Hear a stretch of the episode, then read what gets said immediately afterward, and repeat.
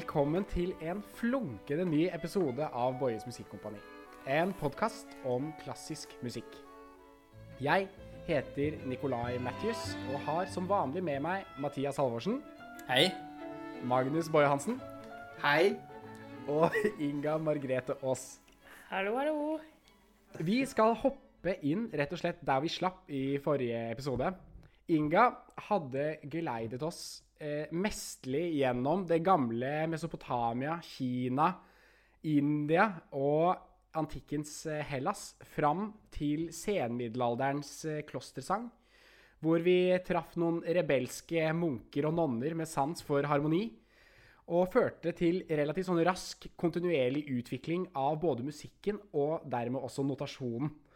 Og eh, vi skal jo snakke videre om notasjonens eh, historie i dag, og utviklingen av partituret.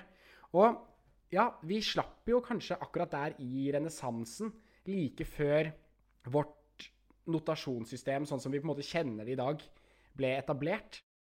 Vi kom oss jo fram til at uh, denne klostersangen At uh, notelinjene kom på plass, og noter med forskjellig varighet etablerte seg. Men så var det da dette med at taktstreken faktisk ikke kom i bruk sånn helt konsekvent, i hvert fall, før på 1600-tallet. Altså rundt år 1600. Og den er jo relativt essensiell for eh, sånn det notsystemet vi bruker i dag. Nøklene kom, var jo også allerede i bruk i middelalderen med disse naumene. Fortegn kjenner jeg ikke historien til. Når ble det etablert? Eh, det er jeg usikker på, men det kan virke som, i hvert fall rundt 1600-tallet, så har vi et ganske oppegående notasjonssystem som er veldig likt det vi har i dag. Så er det klart at eh, større og større grad av eh, Altså at, at notasjonen har blitt mer og mer detaljert, kan man vel si, siden 1600-tallet. At det har kommet inn mer og mer artikulasjon, dynamikk. Absolutt. Jeg tenker også at sånn, En ting vi må kanskje nevne i den overgangsfasen i renessansen der, er jo nettopp det at, at uh, instrumentalmusikken og, den, og det at vi har to liksom, store institusjoner som, som utvikler musikken parallelt her, både hoffet og aristokratiet, som har råd til å ansette musikere og mm, sangere etter hvert, og sånne ting. Og så har du den kirkelige musikken som har sine egne mm, på en måte metoder. Det kommer jo derfra, men det mater jo veldig sånn inn i hverandre. Eh, de, eh, alle disse tingene samtidig, parallelt med instrumentenes eh, utvikling. Det at, at man begynner å få gode instrumenter, både fra, eh, fra lutter og gitarer til at man begynner å stryke, til at du har gamber og eh, osv. og så videre, og og mer og mer avanserte pianoer eh, fram mot liksom sånn tidlig hammerklaver og sånne ting. Det gjør jo også at, at parallelt med instrumentenes og mulighetene instrumentene gir, så er det også et behov, et større og større behov for å notere mer og mer detaljert også, og ha mer og mer kompliserte eh, strukturer, på en måte. Ettersom man spiller mer og mer komplisert, så vil det jo også være behov for et mer og mer detaljert og komplisert notasjonssystem. Da. Og dette skjer jo helt sånn parallelt. Musikken og notasjonshistorien, de to historiene, er jo uløselig knyttet til hverandre på en eller annen måte. Og der hvor man da ser denne enorme utviklingen av virtuos instrumentalmusikk og sang og opera og alle disse tingene som begynner å dukke opp der i, scenen, i re renessansen. Og, og så er det jo umulig å tenke seg at det kan gjennomføres uten noe god måte å notere på. Det er jo det som gjorde det mulig. Å på en måte ha et åndsverk som du kan formidle til utøverne hvordan det skal gjøres. Det må være et system, liksom. Og da har vi jo dette her da med fem eh, notelinjer og nøkler du kan plassere rundt omkring på disse notelinjene for å markere hvor en C er, eller hvor en, en eh, F er, eller en G er. Eller hva, hva som helst. C-nøkkelen ble jo brukt fryktelig mye og bare flytta rundt. Den ble jo bare pla plassert på hvilken som helst linje, og så hadde du en C der. Og så etter hvert så standardiserte det seg med at man hadde midtlinjen eller eh, nest øverste linjen, avhengig om det var alt- eller tenornøkkel, da, på en måte. Og det med på en måte re, eh, sånn som disse fortegnene, så tenker jeg jo at det også var en sånn gradvis utvikling som kanskje først var helt etablert med, med Bach, eller? Og liksom det renstemte klaveret. Hva vet du om det, Mathias? Er det ikke det at det ikke er renstemt? Ja, du tenker på temperert, eller? Temperert? Er full, ja, veltempererte, mente jeg. Ja. Ja, ja, det som jeg har funnet, er i hvert fall at, at veldig mange av både kryss og B og oppløsningstegn var i fullt bruk allerede i slutten av middelalderen, så det gikk veldig, veldig fort. Men i forhold til liksom ton, faste tonearter rundt omkring, så må jo det ha tatt helt av, tenker jeg sånn i renessansen. De brukte jo veldig mye tonearter. Selv om, altså, selv før du hadde liksom temperert instrument, så var det jo, så skrev de jo forskjellige tonearter for, for å få forskjellige typer lyder òg. Altså forskjellige tonearter hadde forskjellig lyd fordi intervallstørrelsene var til en viss grad annerledes. Og de, de tempereringene som, som eh, Bach brukte på vel um, voldtemperert klavier, var jo ikke nødvendigvis helt likestemte. Det er veldig mange måter å gjøre et, gjøre et eh, temperert piano som, som kan modellere fra toneart til toneart på. Så, og i de fleste andre måtene å gjøre det på enn det som er vanlig på et flygel, så, så klinger faktisk toneartene annerledes.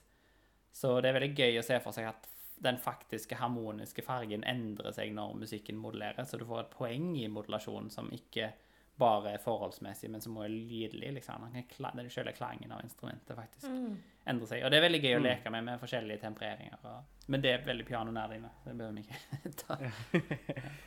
Men det fremstår i hvert fall som om det på en måte velkjente notasjonssystemet vi har, det var på en måte ferdigutviklet ved Bach. Og liksom fra disse nøymene som var på ned til liksom to og fire notelinjer, og bare veldig simple nøkler og kanskje etter hvert noen fortegn og sånn, og så på en måte fram til 1600, når liksom dette er eh, fulletablert, så var det bare en sånn gradvis utvikling med utrolig mange hva skal man si, bidragsytere. da. Ja. Det tenker, Er det riktig å si?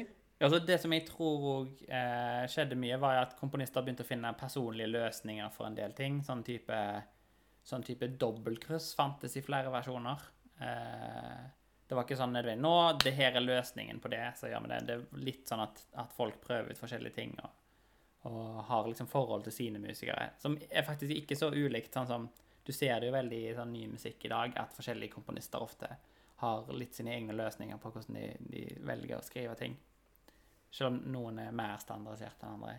Men så det som da kommer etter hvert, er at du har liksom alle Alt som er av fortegn og sånn, tror jeg du blir ganske fort kvitt. Men så begynner det jo med liksom sånn en, tempoendringer og veldig utstrakt bruk av metronomskriving sånn rundt Beethoven og, og etter hvert helt sånn bananas i Bartok, hvor du har liksom for hver takt en forskjell liksom fra 84 per slag per minutt til 82 slag per minutt. Altså, så fort du kan, stans framover. Altså, type maler hvor du driver og skriver inn eh, innting i notebildet som går på tempo og som går på karakter. I en veldig sånn flytende forstand at du har ikke nødvendigvis en karakter for en sats lenger, men du har Du skriver inn liksom eh, masse sånn gest, gestiske kommentarer. Som er jo fortsatt en utviding av liksom av notasjonen. I barokkmusikk så skriver du kanskje den type dansen eller en sånn type karakter for en sats.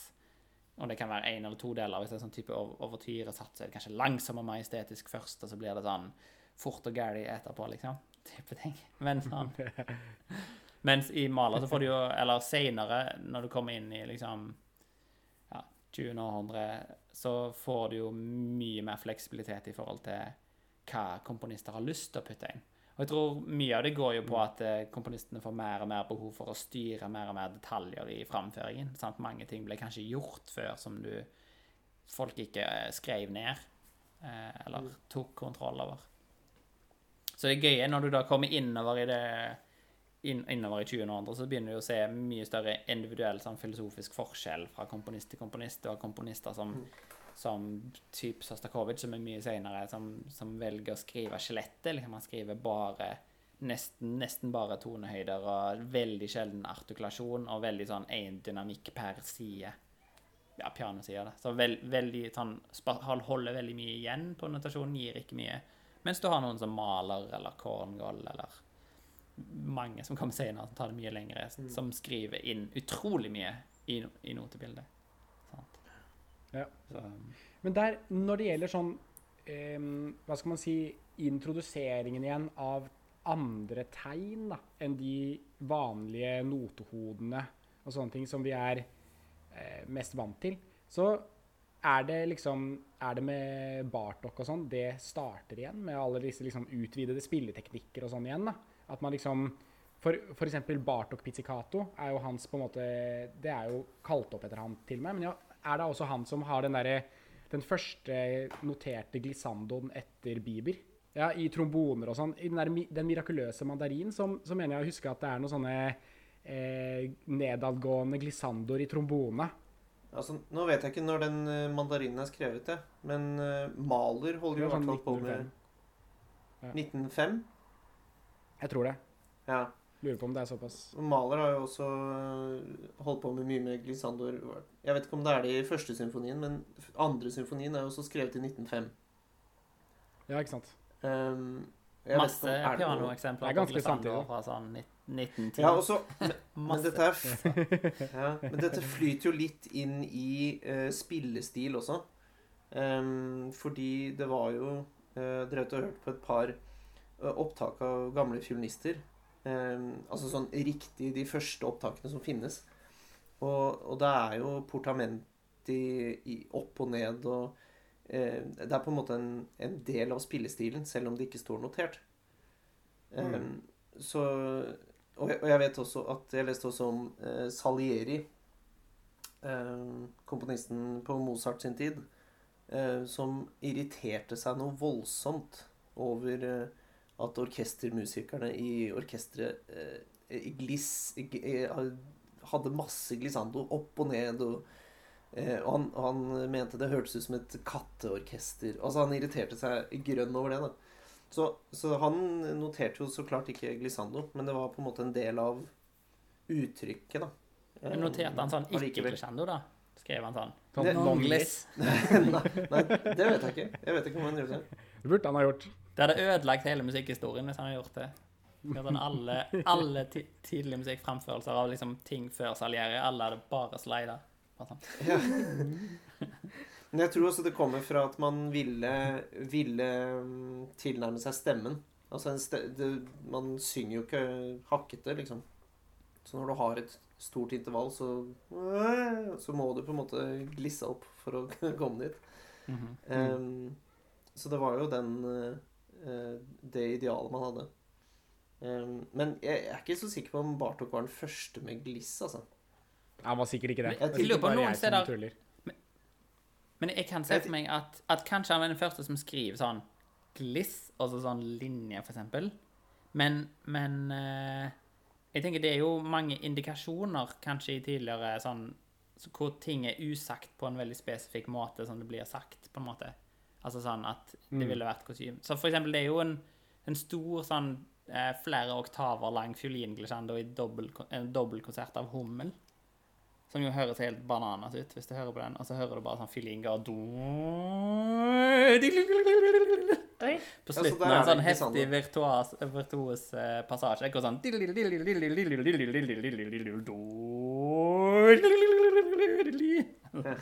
Så slutter det litt. Men, men står det notert en glissando der? Jeg har ikke sett det. Altså en strek, folk gjør liksom? det, liksom. Nei. Her står det altså at um, den første glissandoen er regnet for å være skrevet av Carlo Farina, som ble født i 1600. Døde i 1640. Dette er da i hans stykke 'Capriccio Stavagante' fra 1627. Der er det Og så var det det stor pause helt til Bartok Der står det nemlig I dette stykket så er det både Collegno, Sul Ponticello og Sul Tastiera og Glissando. Ja, men man kan vel kanskje eh, si si at kanskje ikke Bartok var den første, men eh, han var kanskje den som brukte det eh, veldig aktivt inn i s- Som en musikalsk effekt i sin musikk. Mm. Som en veldig definert eh, effekt, da. Og han bruker det også på pauker, eksempel. Eh, Bartok. Og også, det er jo også sånn Man er vant til å spille Bartok, så skal man begynne å glisse med en gang tonen begynner. Det er på en måte en sånn ting jeg har eh, plukket med meg da, opp gjennom studier. At spiller du Bartok, da begynner glissen med en gang og varer helt, hele liksom verdien Noteverdien. av tonen til du kommer til det neste. Mens i Male, for eksempel, så er det jo ofte Da går du liksom Du holder den litt, og så Mens her er det bare Bra eksempel. eh, Ja, tusen takk. Tusen takk. Men så der på 1900-tallet så, så skjer det jo utrolig mye, da. Da begynner jo liksom hele den eh, eh, bagen og, eh, er jo åpna plutselig, da. Og notasjonen sklir jo mer og mer ut, og liksom på grensen til kanskje oppløser igjen hele dette systemet. En, en ting som jeg tenkte kunne være fint å oppsummere litt akkurat her, er at når det kommer til liksom Bartok og de typiske liksom sånn type sånn kronklassiske komponistene, som er på en måte de moderne, klassiske komponistene i, i gåsetegn som, som har blitt veldig tatt inn i varmen i, i, i konserthus på ja, iallfall en sånn repertoarbevisst sfære i veldig stor grad. Så gjennom de, og gjennom det som er liksom tradisjonelt sett på som sånn eh, klassisk kanon, så har ideen om hva et partitur er for noe i forhold til musikken som spilles, vært ganske statisk. Det virker som har vært en, en, en sak som har stått veldig måte klart. Altså det, er note, det er en musikalsk idé som komponisten har skrevet ned, og partituret er en praktisk bit av realiseringen av kunstverket. på en måte. Så det er et verktøy for komponisten for å formidle sine ideer.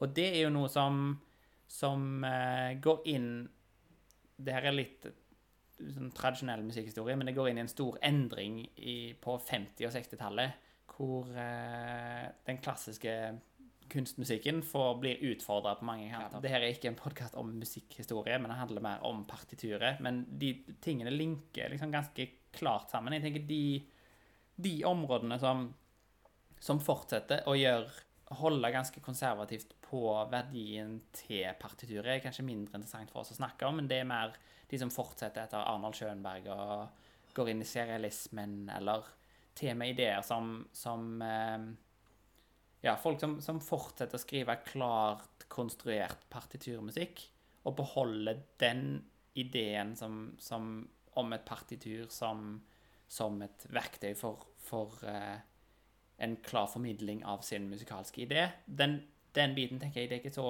gøy å snakke om, om videre, fordi den lever videre, den er muligens fortsatt kanskje den dominerende måten innenfor ny, ny klassisk musikk, for, for alt jeg vet. Måten å tenke, tenke partitur på. Men eh, fra 50- og 60-tallet så begynner det noen andre greiner innenfor, innenfor musikkmiljøet som utfordrer sjøle partiturets eh, sånn identitet og hvordan partituret ser på seg sjøl. Og der er det veldig mye gøy. Og, der er sånn som, og, og en som er veldig, veldig viktig for det her, er selvfølgelig John Cage. Og han er viktig innenfor flere av de her uh, greiene. Men uh, et par områder jeg hadde lyst til å snakke om, var aleatorikk, altså bruk av tilfeldighet. Uh, som i utgang inn i musikken, hvor du involverer en viss grad av usikkerhet, eller du tar vekk en stor del av kontroll fra komponisten.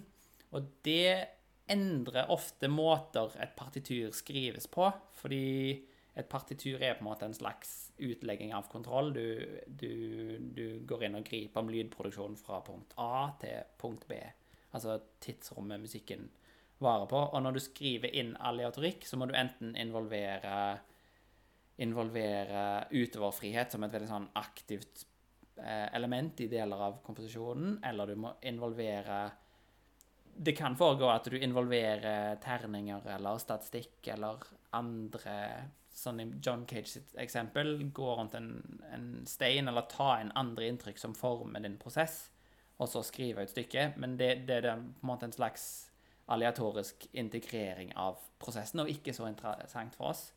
Eh, men aleatorikk kan jo gå inn i sjøle liksom, partituret, hvor partituret lager åpninger. Og da ser det ofte ganske gøy ut, på noter. Eh, så det er en grein. Og så har du grafiske partiturer, som er den kanskje mest voldelige Nei, jeg føler kanskje ikke det. Det er kanskje en av de Det er den nest mest voldelige måten eh, partituret måtte gjennomgå en liten sånn personlighetskrise fra 50-tallet.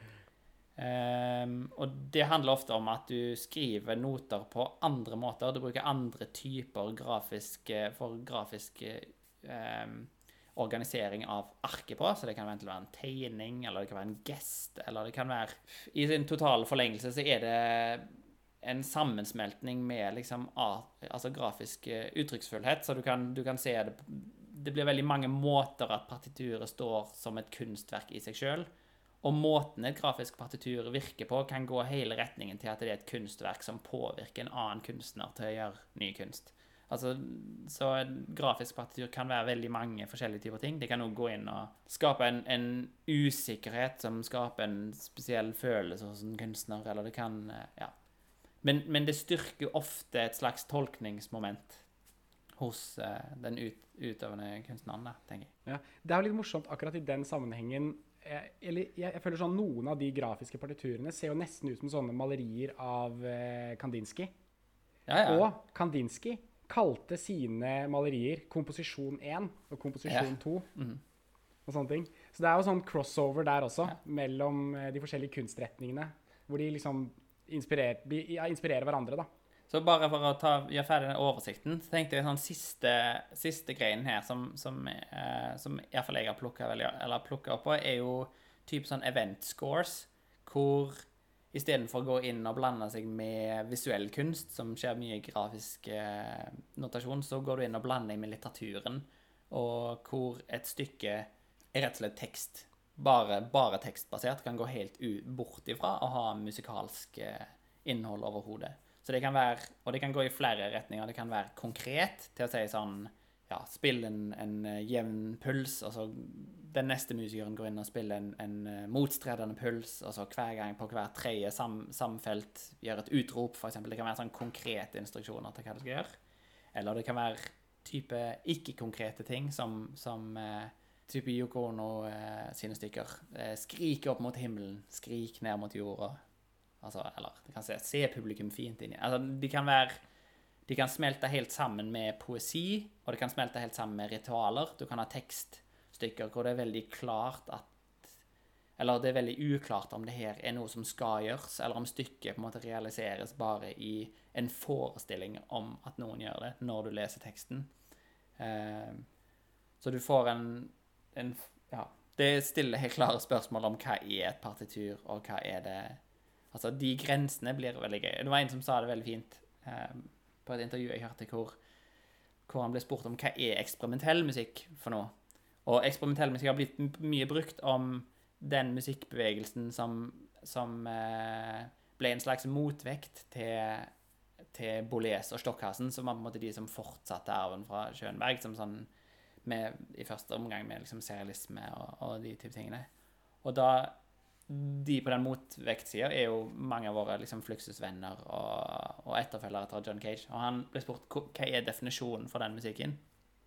Og da sa han det veldig fint. Han sa eh, eksperimentell musikk, det er musikk som stiller sjøle spørsmålet hva er musikk for noe? Eller hva kan musikk være? og det syns jeg var veldig gøy. Fordi det er en sånn eh, for meg i hvert fall en veldig fin tanke, fordi det er òg hele spørsmålet som du ofte møter fra en sånn eller kanskje en sånn sterk konservativ impuls når du f.eks. ser Nam John Pike, så den fiolinstykket hvor han knuser fiolinen, er jo sånn Ja, det her er jo ikke musikk. For eksempel. det er en sånn sterk impuls du får til å gå inn og gripe. Er det musikk, eller er det ikke musikk? Ta en slags sånn standpunkt. Hva er musikk, eller ikke? Og hele den biten, er det musikk eller er det ikke musikk, er i utgangspunktet helt uinteressant, fordi svaret er ikke det viktige. Det er liksom spørsmålet som er det som er gøy. Mm. Det om det er musikk eller ikke, det kan folk eh, ta helt sine egne valg på, men sjøle spørsmålet er jo kjempemorsomt. Og det er jo verket som er på en måte sjøl den proposisjonen. Og jeg synes den, den, plassen som du får rundt et sånt type stykke, er veldig, veldig gøy. Så så jeg et annet intervju med eh, Jannis Senakis, som er en annen komponist som som fikk veldig mye pes fra det liksom mer tradisjonelt nye musikkmiljøet. Eh, igjen fra liksom Det er veldig gøy å Ja, veldig mange av de eh, de eh, tingene jeg har lest, stiller Stockhausen og Boles på ene sida, og så stiller de John Cage-arven fra andre sida, så får du Senakis og veldig mange andre som sånne egenfolk som står på utsida, som er en helt annen Det er ikke helt sånn som jeg i hvert fall var kjent med ting på forhånd. Fordi jeg tenker Stockhausen gjorde så utrolig mye sprøtt med liksom helikopterstykkene sine og spiral og Han gjorde jo veldig, veldig, veldig mye gøy. Men det virker som at i hvert fall i liksom tidligere faser at han var veldig sånn teoretisk forankra i liksom samme miljøet som Boles, som holdt på med serialisme og veldig mye sånne type ting. Men eh, Senakis ble spurt, eh, og han, Senakis lager jo veldig musikk som kanskje kan høres som tradisjonelt veldig stygt til tider. Han har sånn skikkelig sånn eh, tidvis veld, veldig grov musikk i forhold til hva du vanligvis ville tenkt i, i klassisk sammenheng. Det er veldig sånn Og, og han er jo en som har jobbet veldig mye med, med alle de tingene Både hvor han skriver ut store noteark som, som er helt detaljert skrevet på rytmer og artikulasjon, alt. Men hvor det er så mye informasjon, og helt åpenbart rett og slett bare ikke går an å spille. Men så ser du plutselig at hele arket er bare en sånn kjempe sånn pikselert eh, kunst. Som er, han driver med grafisk notasjon innenfor vanlige grafiske rammer, f.eks. Han var jo arkitekt, som var veldig interessert i Veldig interessert i hvordan ting så ut, og hvordan det hørtes ut. På en litt annen måte enn det de andre tenkte, både John Cage og de andre. Hvor han, han eh, var veldig opptatt av liksom rålyder på en måte, som ble lagd musikalt, som han ikke hadde kontroll over, men som han kunne sette i gang. Så han ble på en måte spurt hvorfor lager du sånn musikk som du, du lager. Så sier han jeg har ikke noe jeg er bare veldig glad i musikk, og jeg lager den musikken jeg har lyst til å høre sjøl. Så sier jeg men syns du ikke er veldig stygt? Altså, nei, musikk for meg er verken stygt eller fint. Det er mer eller mindre interessant.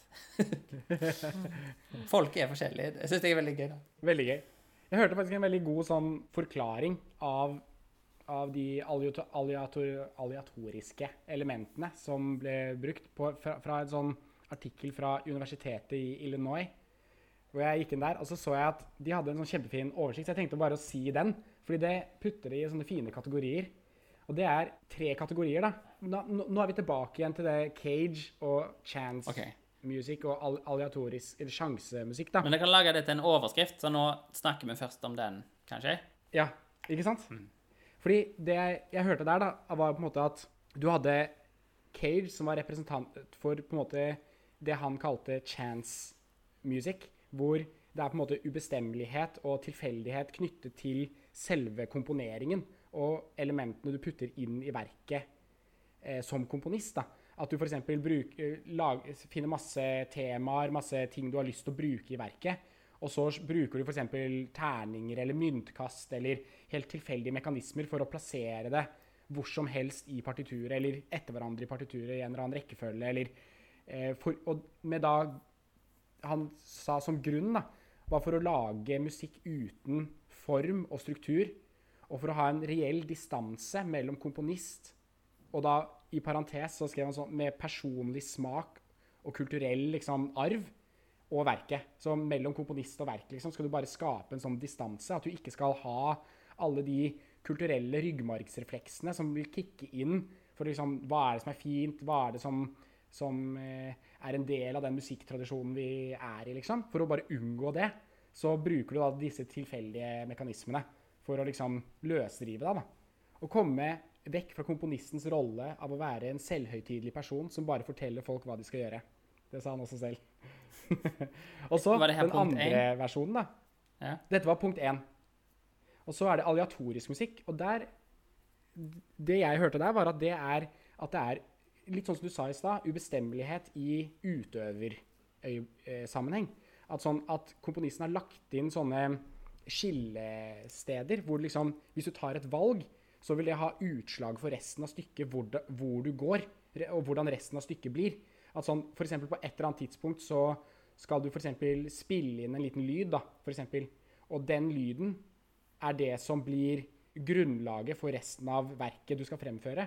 Og du kan da velge om den lyden skal være sånn, sånn eller sånn, og det vil gjøre verket videre helt forskjellig, avhengig av hvilken du da bestemmer deg for i øyeblikket.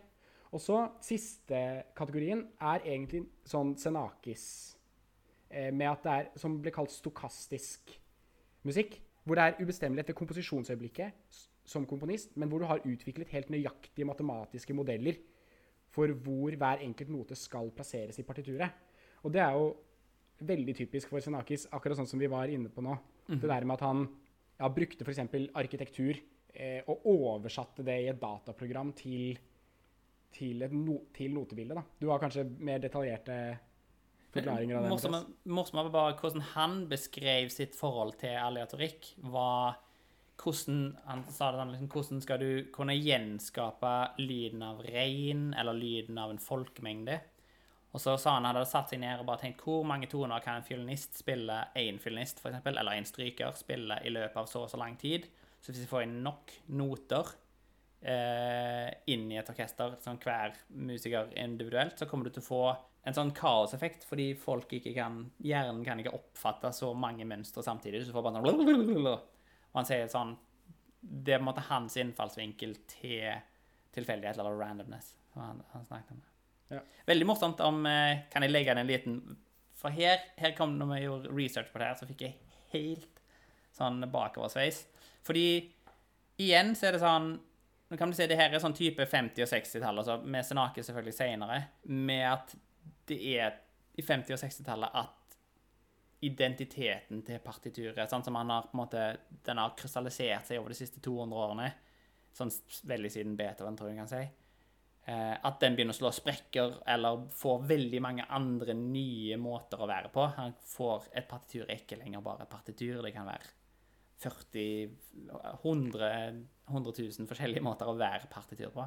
Men det morsomme er at det har ikke helt alltid vært sånn. Som eksempel innenfor aletorikk så ble jeg veldig overraska over at, at eh, vi har eksempel én, og faktisk flere fant jeg det etter hvert, men spesielt én sånn veldig stor kanon-klassisk komponist som i god tid før det her gjorde, eh, lagde et stykke hvor han, han eh, skrev opp mange forskjellige Jeg tror det er snakk om sånn 350 forskjellige sånne minimusikalske celler som han satte opp i et system.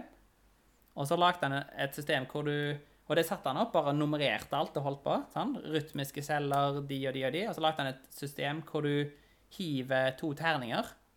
Og så skriver du ned bare den cella, den cella, den cella, den cella. Den cella, Vær så god, her er stykket. Så kan du skrive Jeg tror det var sånn derre Ja, det er sånn derre 11 i 26 eller sånn forskjellige stykker. bare. Det er jo helt uendelig mange stykker du kan skrive basert på det systemet. Klarer du å gjette hvem som gjorde det eller? Kanonkomponist. Veldig kanonkomponist. Kanskje en med stor, en med stor produksjon? Er, er det um, Mendelssohn? Nei, ikke Mendelssohn. For, Nei, fordi, fordi jeg, det eneste jeg bare vet, er at han holdt på sånn og samlet sånne masse små snippets og puttet i en boks. Å ja, og så sant. putt, Det gøy. eh, hentet han de opp når han trengte de. Ah, Ja. shit, nå trenger jeg en idé. Ja, som var nede i han OK. Ja. OK, supert. Det. Ja, da har vi den eh, satsen, liksom. Ja. Nei eh, Men det her var liksom publisert til folk. Så det er ikke noe sånn Altså, privat verktøy. systemet publisert? Ja. Systemet ble publisert. ja. Er det en Telemann? Nei, seinere. Ja, det er senere. Nei, jeg skal si det. Mozart. Mozart. Det er gøy? Wow. Jeg synes det er Det er skikkelig fan- overraskende. fan- Men har du, har du sett systemet, Mathias? Er det tilgjengelig? Ja, ja, det ligger liksom autograf tilgjengelig. Nedover. Men det som var på en måte enda mer sjokkerende, er at det her var noe som var veldig populært. Mozart var ikke på noen måte den første. Det var en hel sånn bølge med, med som det heter, musikalisches Wurfspiel, som i, på hele 1700-tallet var veldig populært. Og første eksempelet på det er Johan Philip Kirnberger, eh, som har et stykke som heter Die allzeit fertige Menuetten und Polonesen-komponist. Altså den alltid parate menuett- og polonese-komponist. Som er sånn terningsspill som du har hjemme. Som de gjorde på fester og sånn. Sånn, nå lager vi en ny valsdager. Yeah. Sjekk ut det. Kjempegøy. Og det er jo kjempegøy, og det føles jo ikke på noen måte som noen sånn revolusjonerende ting, og det var heller ikke tenkt som noen sånn revolusjonerende ting. Men det som er veldig gøy, veldig mye av de Fluxus-tingene, og veldig mye av de tingene som John Cage gjorde, var veldig mye gjort bare for gøy, og det handla mye mer om endringer i forholdet mellom komponist og publikums deltakelse. Og jeg tror det at publikum gjorde det som en lek, ikke ville vært på noen måte negativ for de i den formen. Så jeg tror på mange måter er det her en veldig god realisering av et skikkelig Fluxus-prosjekt. Bare se på den Fluxus hadde den der Fluxus-boksen sin, hvor alle kan lage kunst med med hjemme. liksom. Var en stein og en saks og et eller annet. Jeg føler, det føles liksom helt ned i den gata. Og det er veldig gøy å se at folk hadde en annen holdning til Og det er på samme tid, mens Mozart skriver liksom rekvem og alle de tingene, så holder du at forholdet liksom mellom et verk og en komponist, eller liksom forholdet mellom publikum og musikken, var på en måte veldig, veldig annerledes, og at, at det var noe som kunne tulles mye mer på. Carl Philip Emanuel Bach og hadde A method for making six bars of double counterpoint without knowing the rules. Fra 1758. Som er veldig- veldig bra. Og så er det Altså, Maximilian Stad. og alle disse her må jo bare sette i gang. Ja, jeg tenker at det, det er lage jo sånne musikal, mus, musikkspill, liksom. Men det, igjen så det, det morsomme her er jo at, at ikke At han var ikke den eneste. Det var en populær ting, liksom. Komponister gjorde det, liksom. Nå skal jeg jo lage et sånt spill. Blant annet så var det Maximilian Stadler som lagde en tabell for komponering av minuetter og treår i all uendelighet for to terninger.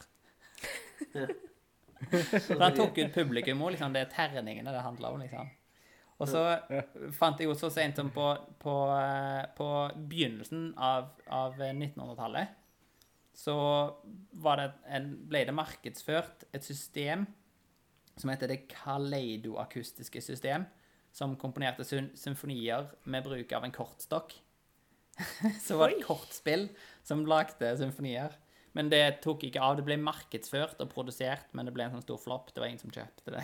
Yes. Men hvem var det som sto bak det, da? Var det bare en sånn spillprodusent? på en måte? Ja, det, det, det var ikke kreditert med noen komponister, det var bare kreditert med tittel og Så veldig gøy, da.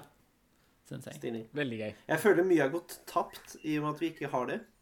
Jeg skulle veldig gjerne likt å spille det. Sånn Ja, på kveldene her.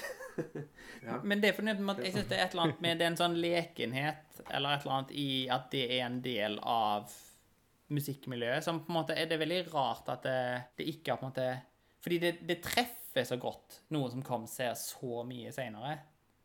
Selvfølgelig det er så utrolig sånn bra bra klaff med den revolusjonen, men at på den tida det faktisk bare kom av sånn fordi folk hadde lyst på det. Det, det var en sak, liksom.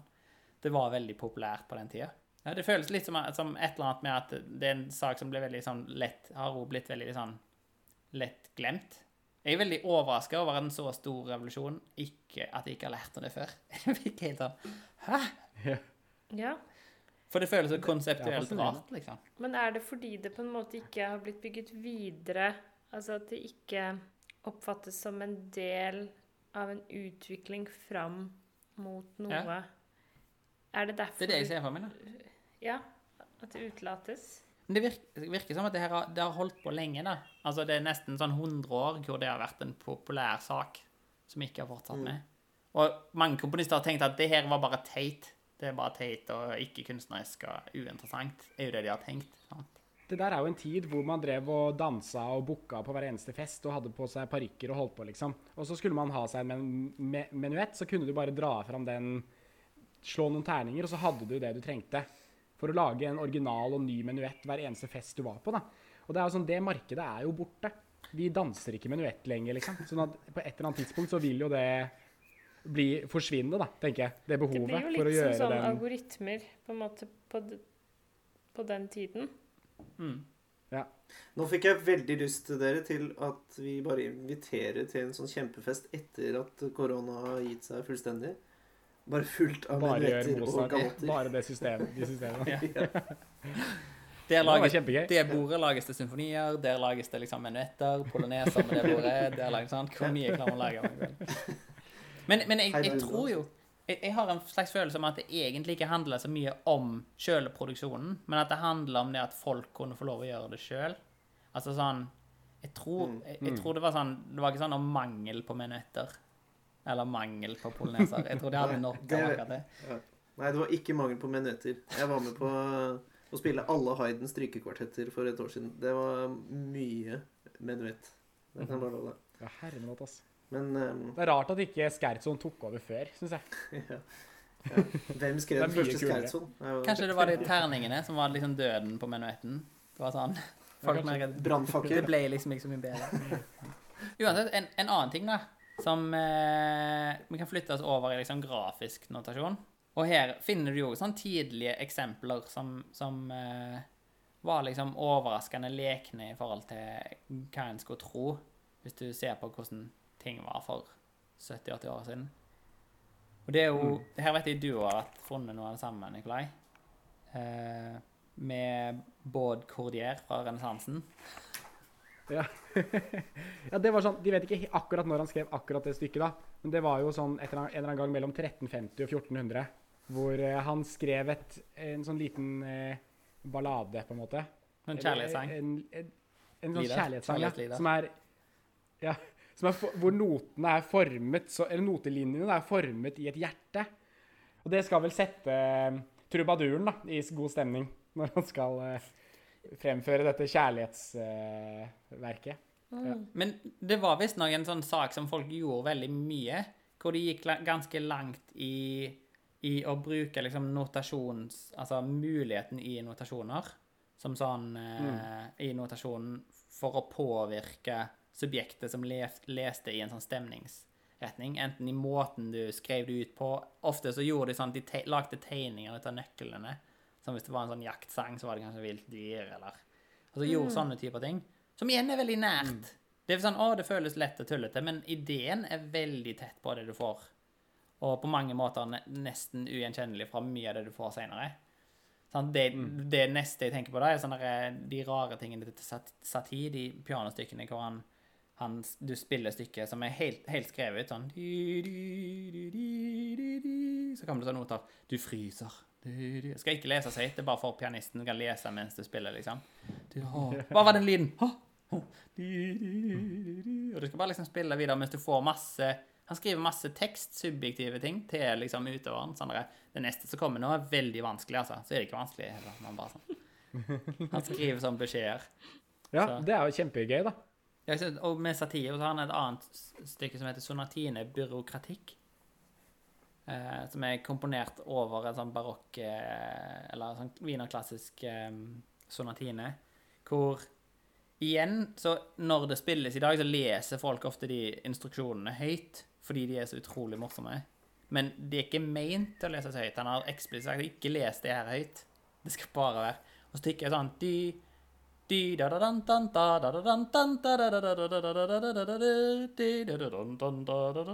sånn.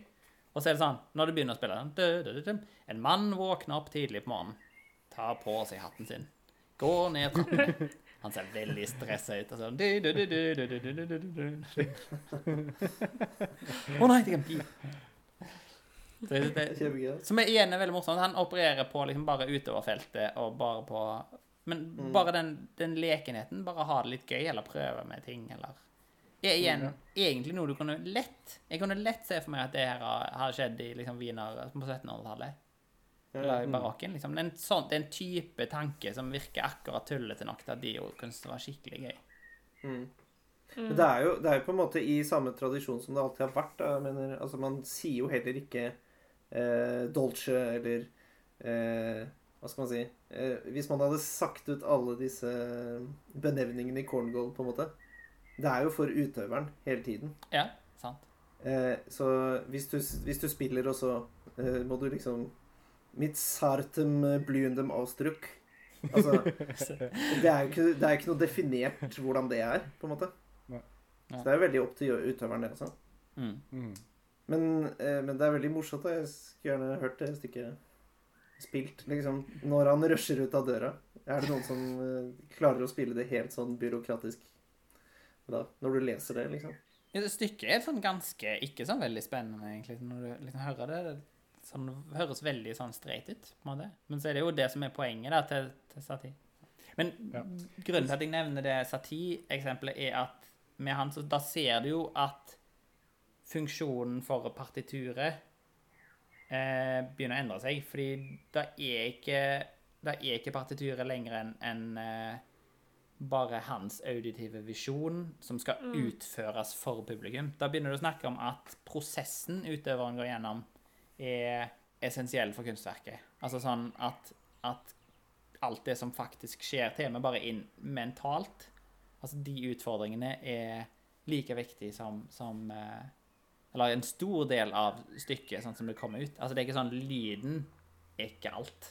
Sant? Og sånn tenker jeg at det egentlig har vært utrolig lenge. Fordi når du tenker tilbake Jeg tenker på veldig mye Beethoven og sånn, så er det sånn Igjen du, om du idiomatisk velger å gjøre en vanskelig passasje med én hånd eller to hender når du har mulighet til det, selv om Beethoven skriver det eksplisitt med én hånd, så er det en, en annen gest. Noe som er vanskelig, høres annerledes ut enn noe som er lett. Og det går igjen tilbake til liksom, holdninger til partitur og partiturets holdninger til utøver og publikum. Altså, er det er ikke bare lyden det handler om. Jeg tenker sånn at, at performativ kunst handler alltid om en slags akt, og om prosessen noen går gjennom for å, for å utføre det. Med mindre det er da, igjen, som vi kommer til senere, sånn elektronisk lagt musikk, eller som eh, musikk konkret, eller et eller annet sånt. Mm. Skal, skal vi komme med noen eksempler på liksom, grafisk eh, notasjon, eller skal vi gå til videre til siste punkt på den lista, kanskje? Først? Jeg, jeg, jeg tatt litt for sånn event scores, men det er jo sånn tekst, tekstpartityrer, rett og slett. Men med, med event score så er det, er det jo veldig sånn handling og rituelt eh, sentrert. Sånn som for eksempel det, det George Brecht-stykket. Gå ut gjennom en Forlate et rom gjennom en, en dør. og det er liksom hele stykket. Jeg føler vi, vi må ta opp det, det vi har spilt i den sammenhengen, da. Han Christian Wolff sin Pros Ja, vi har gjort mye av Christian Collection. Wolff på det. Ja, Pros Collection. Ja. Det er jo eh, 16 satser med bare instrukser. Forskjellige instrukser hva du skal gjøre. Mm. Og mitt inntrykk der da, er jo at det er veldig lite egentlig tilfeldighet involvert i det. Det er veldig sånn du får en instruks som du skal gjennomføre til punkt og prikke.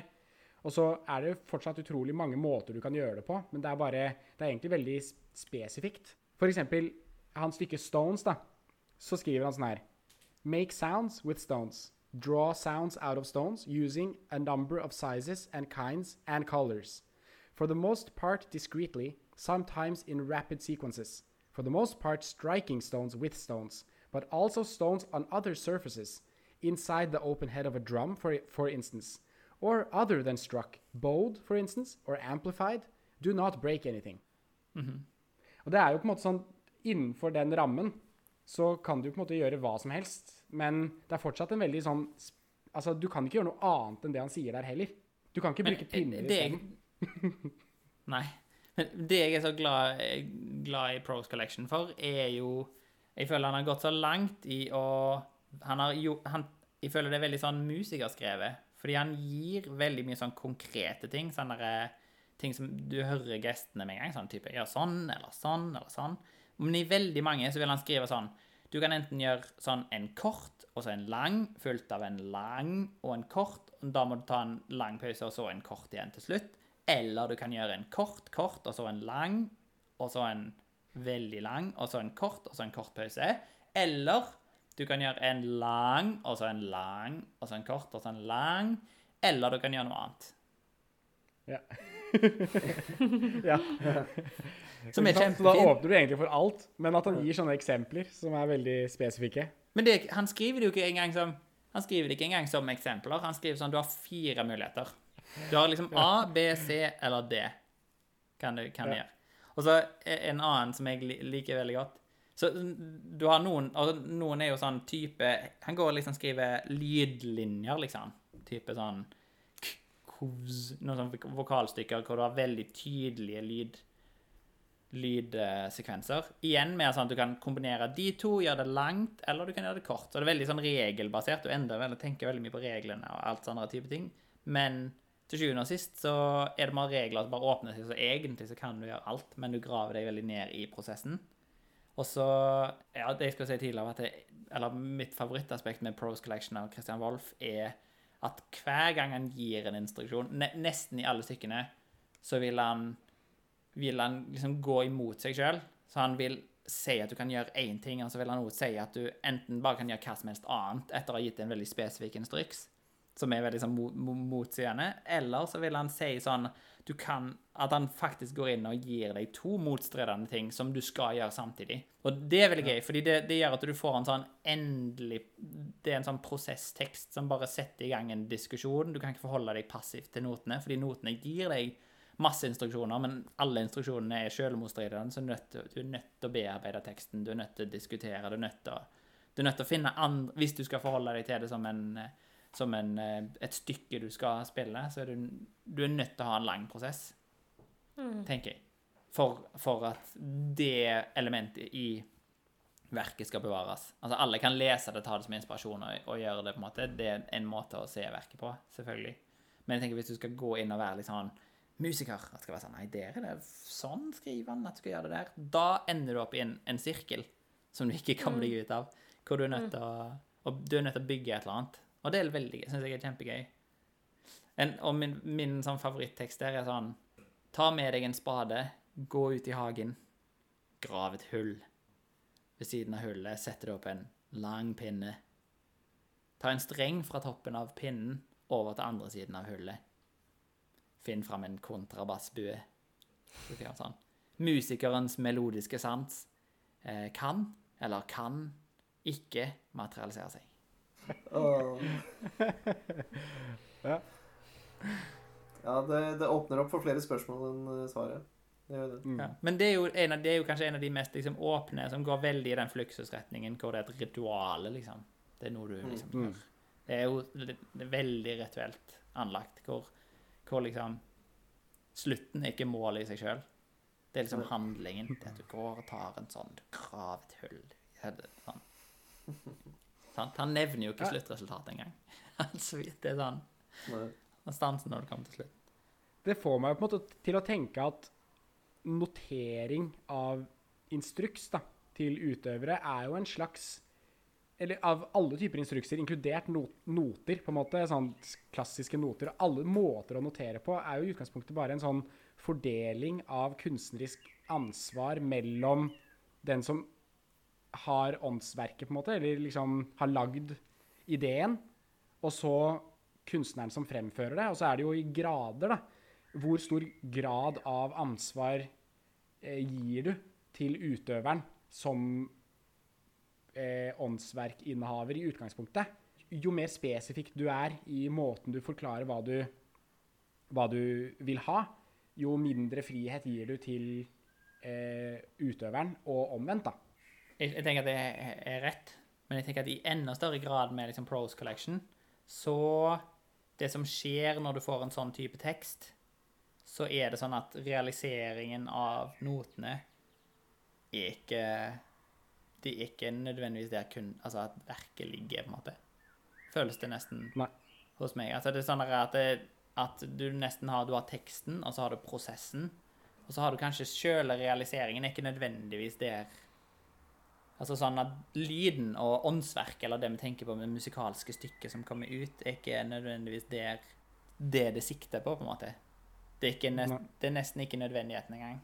Det er en slags sånn, Du går tilbake til en slags Platan, sånn idéverden, hvor du har sånn Altså at, at ideen om stykket er mer stykke enn en liksom sjøl stykket. En del stykker også fra denne tiden bærer jo preg av at nettopp ideen er kanskje Bare det å ha hatt den ideen er på en måte en større del av kunstverket enn utførelsen av det. Men det er kanskje ikke meningen engang at man skal gjøre det igjen. På en måte, Eller noensinne oppføre stykket. Sånn som 433. Jeg vet ikke, Det er jo, sånn, det er jo et spørsmål, da. Ja, eller det, ja, det gjøres jo ofte, da. Og det er jo mye ved det stykket. Det er jo nettopp kanskje et stykke som eh, får også publikum til å gjøre en handling som er å lytte etter ikke-musikalske lyder. Går det an å tenke Absolutt. på det på den måten? At, at partituret det er, ikke, det, det er i første instans instruksjoner til utøver, men det verket fungerer også på den måten at det setter publikum i en situasjon hvor de må utføre en annen handling enn de hadde trodd de skulle gjøre. Sånn at partituret på en måte iverksetter, iverksetter noe hos publikum på en overraskende måte. Og på den måten er mye mer enn en idé, men er en realisering av handlinger hos publikum. tenker du på at eh, på en måte konseptuell kunst, så er konseptet mm, kjernen, eller hva jeg skal si. Men jeg tenker ikke på 433 som Eller jeg tror at Cage faktisk ville at man skulle sitte der og lytte. Og at det er hele poenget. Poenget er ikke bare lese om ideen. Å, og så kommer det en musiker, men så spiller han ikke noe på piano. Jeg, jeg tror ikke at Cage tenkte at det Yes, der har jeg det. Det var Nei, nei. overraskende. At det er nettopp å sitte der sammen i den konsertsalen Mm. og lytte etter andre lyder, det er det som er utgjør det verket. Nei, han, jeg hørte intervju hvor han eh, Jeg har hørt masse intervjuer med Cage nå, for jeg syns han er så utrolig fin, Mm. fin fyr. Han virker så veldig fin. Men eh, hvor han, han snakket om at, at eh, 433 For han, det var en periode som, eh, hvor han, han brukte mye igjen tilfeldighet når han skrev stykkene sine. Og det er, av- det er et av de I Ching-stykkene. Som I Ching er en sånn gammel sånn eh, kinesisk slags orakelbok. Jeg vet ikke hva du skal kalle det. Hvis du skal konsultere I Ching, så må du hive et sett med jeg tror det er seks pinner. Som du, som du hiver noen korte, noen lange, og så lander de i spesifikke mønstre som gjør at du skal slå opp. Så du stiller på en måte et spørsmål, hiver pinnene, og så slår du opp. Og så han hadde skrevet han har, 433 er da et, av de stykkene som han skrev etter å ha konsultert I Ching. Og han sier stykket kom rett og slett fordi I Ching sa jeg skulle skrive et stykke uten Det var ikke noen noter. Det var bare stillhet som kom, som kom Mm. ut. så han, han sa i utgangspunktet så starta jeg det stykket som noe Den konseptuelle biten der, eller den, den biten som, som, eh, som han var på en måte Mm. forplikta til, var tilfeldigheten. Og det var at han hadde tatt vekk kontroll. Så han, han tok ikke det grepet når han skal skrive stykket som ikke har noe. Ja. Men hvorfor skrev han det da i tre satser? Den er jo skrevet i tre satser. Igjen I Ching. Han, O433, tallet bare I Ching. Ja, okay. Så Bare det lengden, det er la, det er la, det er la. Altså bare alle spørsmålene. Mm. Men, han, men jeg tror igjen at Inge har helt rett med, med John Cage, fordi han var jo så utrolig opptatt av liksom at sånn er i forhold til at lyder har sin sånn egne kvalitet. Alle lyder er, er fine lyder. Det handler om deg som liksom mottaker. At om noe er musikk eller ikke, avhengig av din innstilling som lytter, og ikke av lyden i seg sjøl. Som for eksempel Mm. si at han elsker lyden av, av trafikk, for eksempel. Som flyter. Og hvis du står liksom midt i et stort veikryss og hører lyden av trafikkbiler, som være store biler, små biler. Bare den, den endelige liksom flyten. Som igjen er morsomt. Det går litt tilbake til noen av de Senakis-tingene. sant? Hvor du har liksom bare den lyden som, som, som, som lever, og som er, er utenfor din fatteevne eller kontroll. Og bare den vissheten Det er ikke mening her for deg å fatte. Det er ikke en stor beskjed for deg. Det er bare lyden det handler om. Er jo veldig sånn frigjørende. Føles det for meg på en måte òg. Altså, det ligger Ja, ja, ja. en slags sånn der, eh, Det ligger en sånn det er veldig sånn nytelse akkurat det der. Som jeg synes er veldig Og jeg tror det er sånn han ville tenkt på, tenkt på det stykket. Og jeg, det finnes helt sikkert masse opptak av han som snakker og er spurt om 433. Med mindre han bare Mm. sånn Jeg vil ikke snakke om 433. Et sånn eksempel som jeg føler vi kan legge ved video til også, er når det videoklippet når han gjør eh, Water Walk. Den lille YouTube-videoen der. Det er jo litt gøy å vite, når man ser den, hvordan det partituret er skrevet. Da har du bare en sånn en tidslinje, en strek, liksom, med sånne fem sekunders eh, intervaller. Etter fem sekunder så er det liksom 'slå lokket på pianoet', og så etter ti sekunder så står det kanskje Eller på rett før ti sekunder så står det 'putt en fisk i pianoet', og så, og så er det sånn etter 15 sekunder så er det sånn 'skru på vanntrykkokeren', liksom. Sånn, så det er bare sånn instrukser og bilder eh, i liksom de to-tre minuttene det stykket skal vare, da. Eh, Og det er jo litt gøy å vite hvordan det er skrevet. Veldig spesifikt akkurat hva du skal gjøre i eh, det tidsrommet, og så høre stykket. Da ser man også hvordan, hvordan det fremstår som veldig humoristisk for publikum, men hvor han, hans alvor i situasjonen å fremføre det, er utrolig sånn konsentrert, og akkurat sånn som vi forestiller oss at vi ville vært som utøvere, da, ved å gjøre noe vanskelig og noe skikkelig krevende musikk, så konsentrerer vi oss og fremfører det på liksom best mulig måte. Så akkurat sånn er han i den forestillingen. Han er bare hyperkonsentrert og bare skal gjøre alt riktig. Putte fisken, slå med pianoet, dunke på lokket, ta lokket oppi badekaret, dunke ned i vannet. Sånn helle vann over, eh, over den, og så liksom dytte ned en radio. ikke sant? Sånn, er med alle de tingene han gjør, er med sånn vanvittig konsentrasjon og presisjon at du blir sånn Herregud, det er utrolig dyrt å øve på dette stykket. Ødelegge alle de radioene som detter ned. og Veldig sånn vanskelig å øve på. Men kanskje han øver med noen andre gjenstander. Men han, han gjør det veldig sånn presist og kult. Har et sinnssykt forbruk av radioer. Sinnssykt forbruk av radioer. I hvert fall fem stykker han dytter ned, tror jeg. det, i løpet av den. Morsomt. Men han har en sånn veldig sånn munter utstråling. Altså, han har ikke Ja. sånn sur musikerutstråling. Eh, Det har han ikke.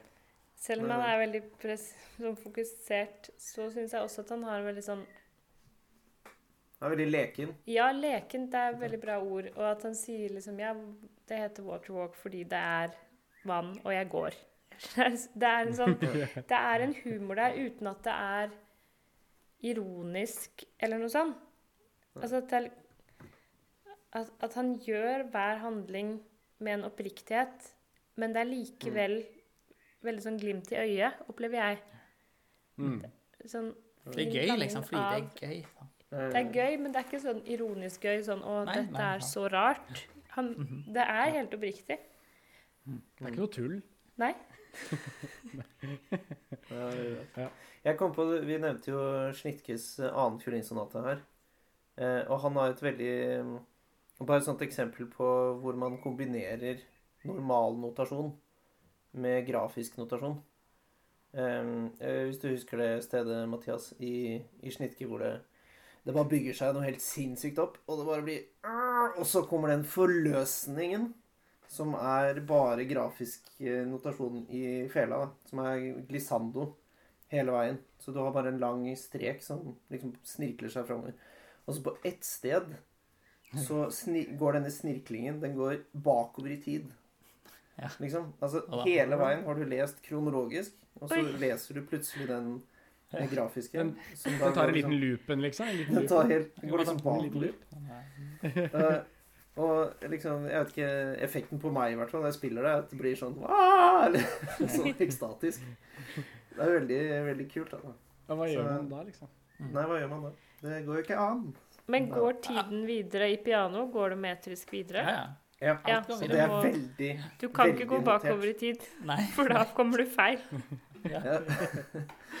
altså, Det er veldig bra, bra øyeblikk. Da.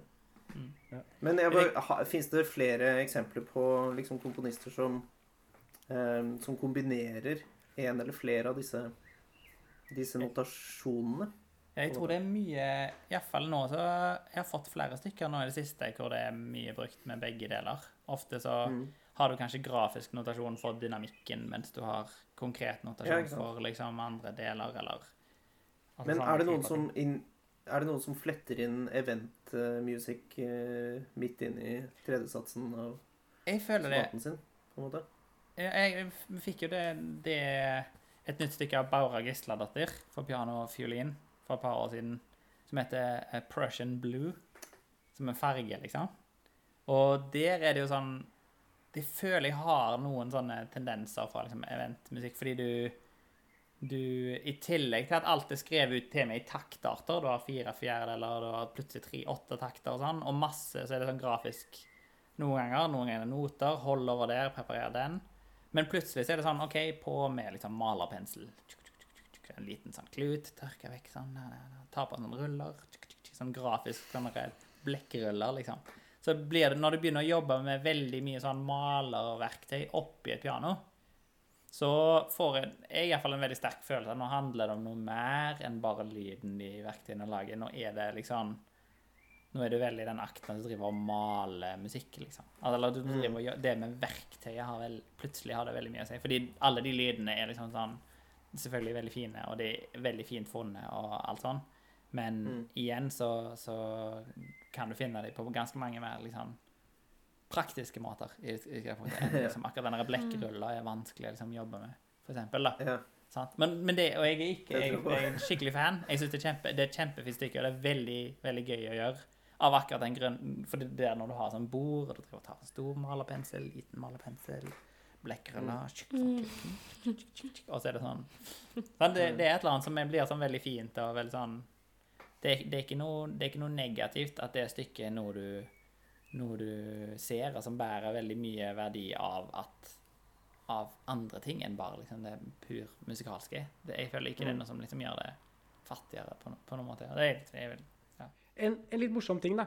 Jeg opplevde her en dag eh, Jeg spilte et, eh, en uroppføring hvor eh, det var notert Jeg, jeg skulle spille sånn eh, eh, 16-deler delt opp i tre. Sånn at altså, det var eh, Altså selv om det var vanlig fire fjerdedelstakt, så var det tak, tak, tak, på tvers av eh, hva skal man si fjerdedelene, da. Bortover, liksom. Og eh, det var delt opp. Og så hadde man skrevet det som at Og det var pizzicato. Og så hadde, hadde, det blitt skrevet sånn at det var lang Det var sånn da, da, da, da, da, da For å liksom unngå pauser mellom de to første. Og så spurte jeg, da Mente du at skal du ha lang, lang, kort, kort? Og det skulle han ikke. Han skrev bare sånn, fordi da er det lettere å lese. Og det fikk meg til å eh, tenke på liksom hva, hva komponister gjør av ting for at det skal liksom tilrettelegge for utøveren. Eh, og gjøre liksom det de ønsker. Eller i hvilken sammenheng så jobber liksom det mot deg. da.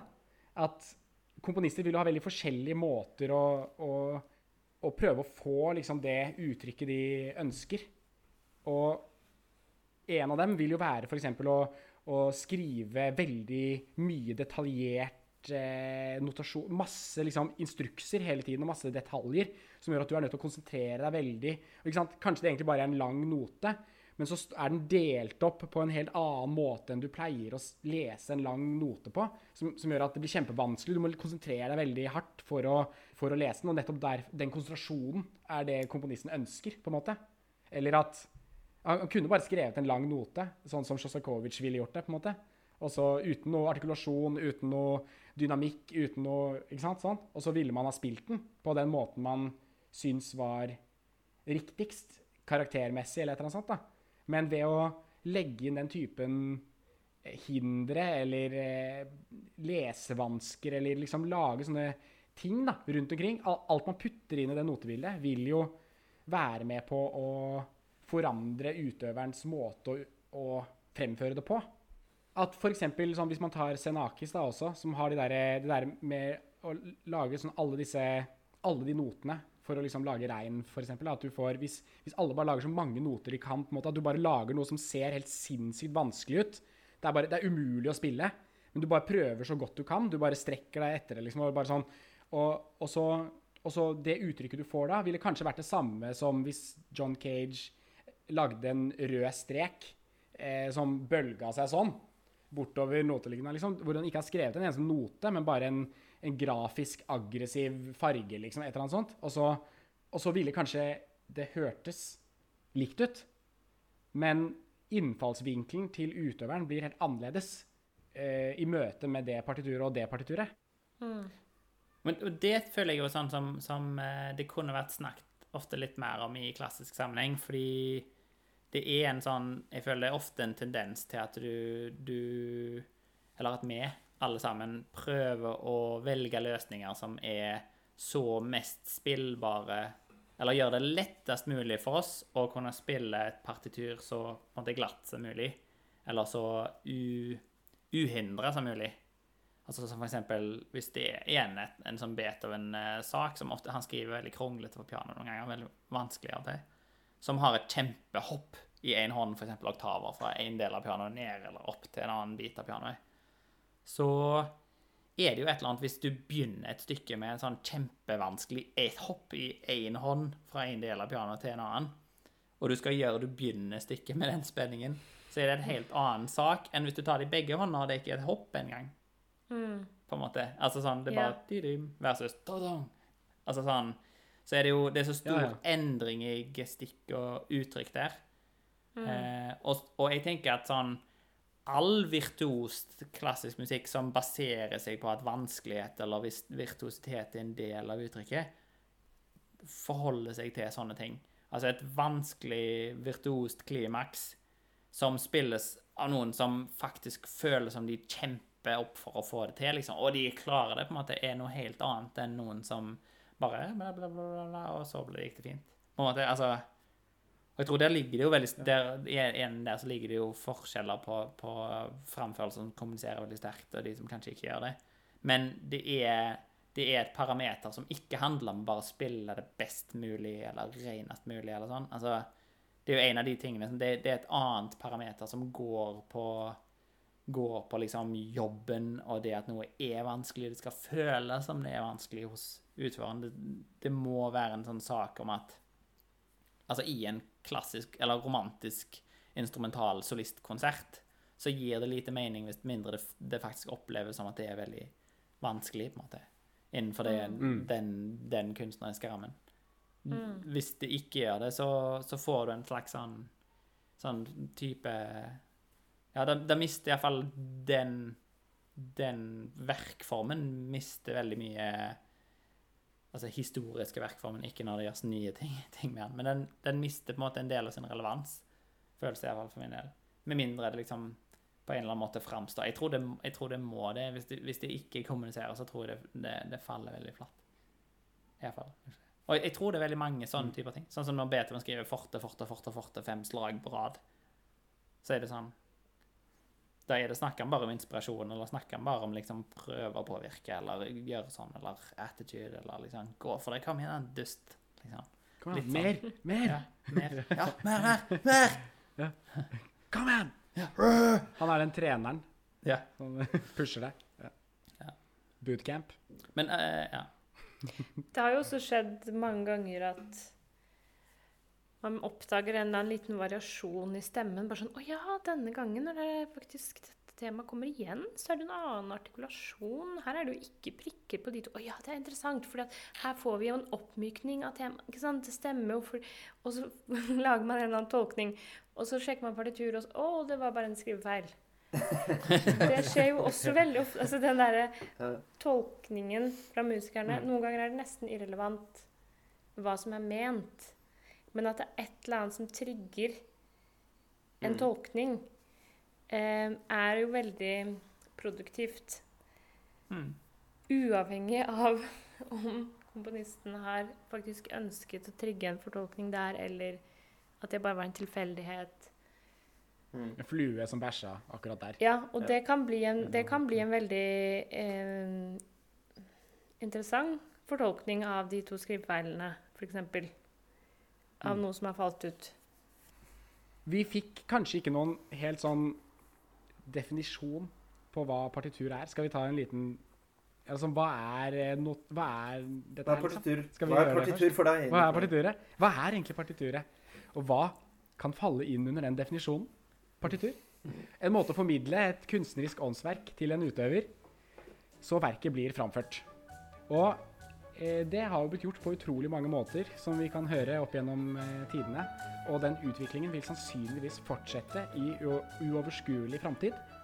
Så enn så lenge så gjenstår det bare å takke for oss.